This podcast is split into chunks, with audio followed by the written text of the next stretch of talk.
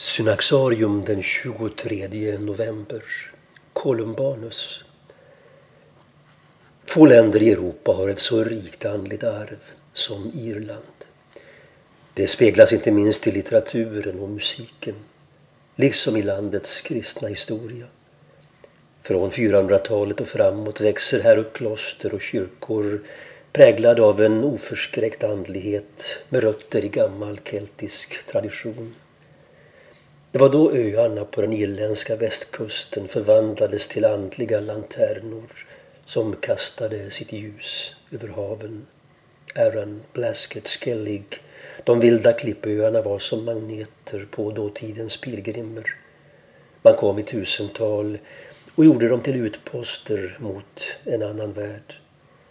Härifrån utgick pilgrimsfärder som tog den kristna tron till avlägsna folk. Irland blev det första årtusendets främsta missionsland i Europa. Historierna om pilgrimerna som for från sina kloster till den europeiska kontinenten hör till missionshistoriens mest dramatiska.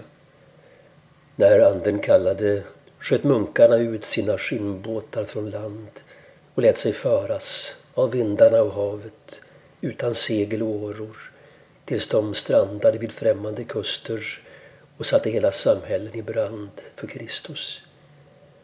Munken som pilgrimsmissionär var en främling i världen stadd på ständig vandring i sin kamp mot ondskans makter. Klostren fungerade som missionsstationer.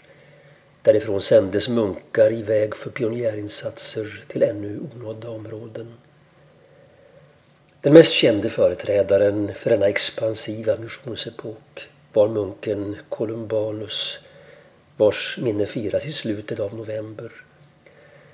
Redan som ung upplevde han kallelsen att likt Abraham bryta upp och lämna sitt hemland. År 589 sändes han ut från sitt kloster på Irland tillsammans med tolv lärjungar.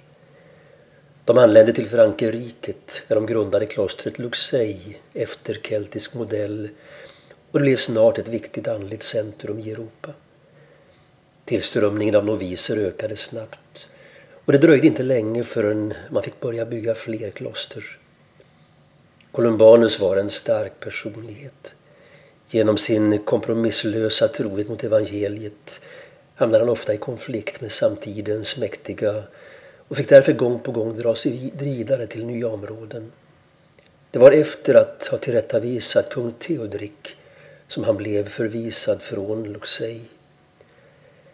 Det som hela tiden drev Columbanus var hans missionsiver.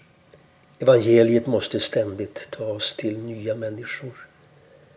Slutligen kom han att grunda klostret Bobbio i Norditalien där han dog två år senare, den 23 november år 615.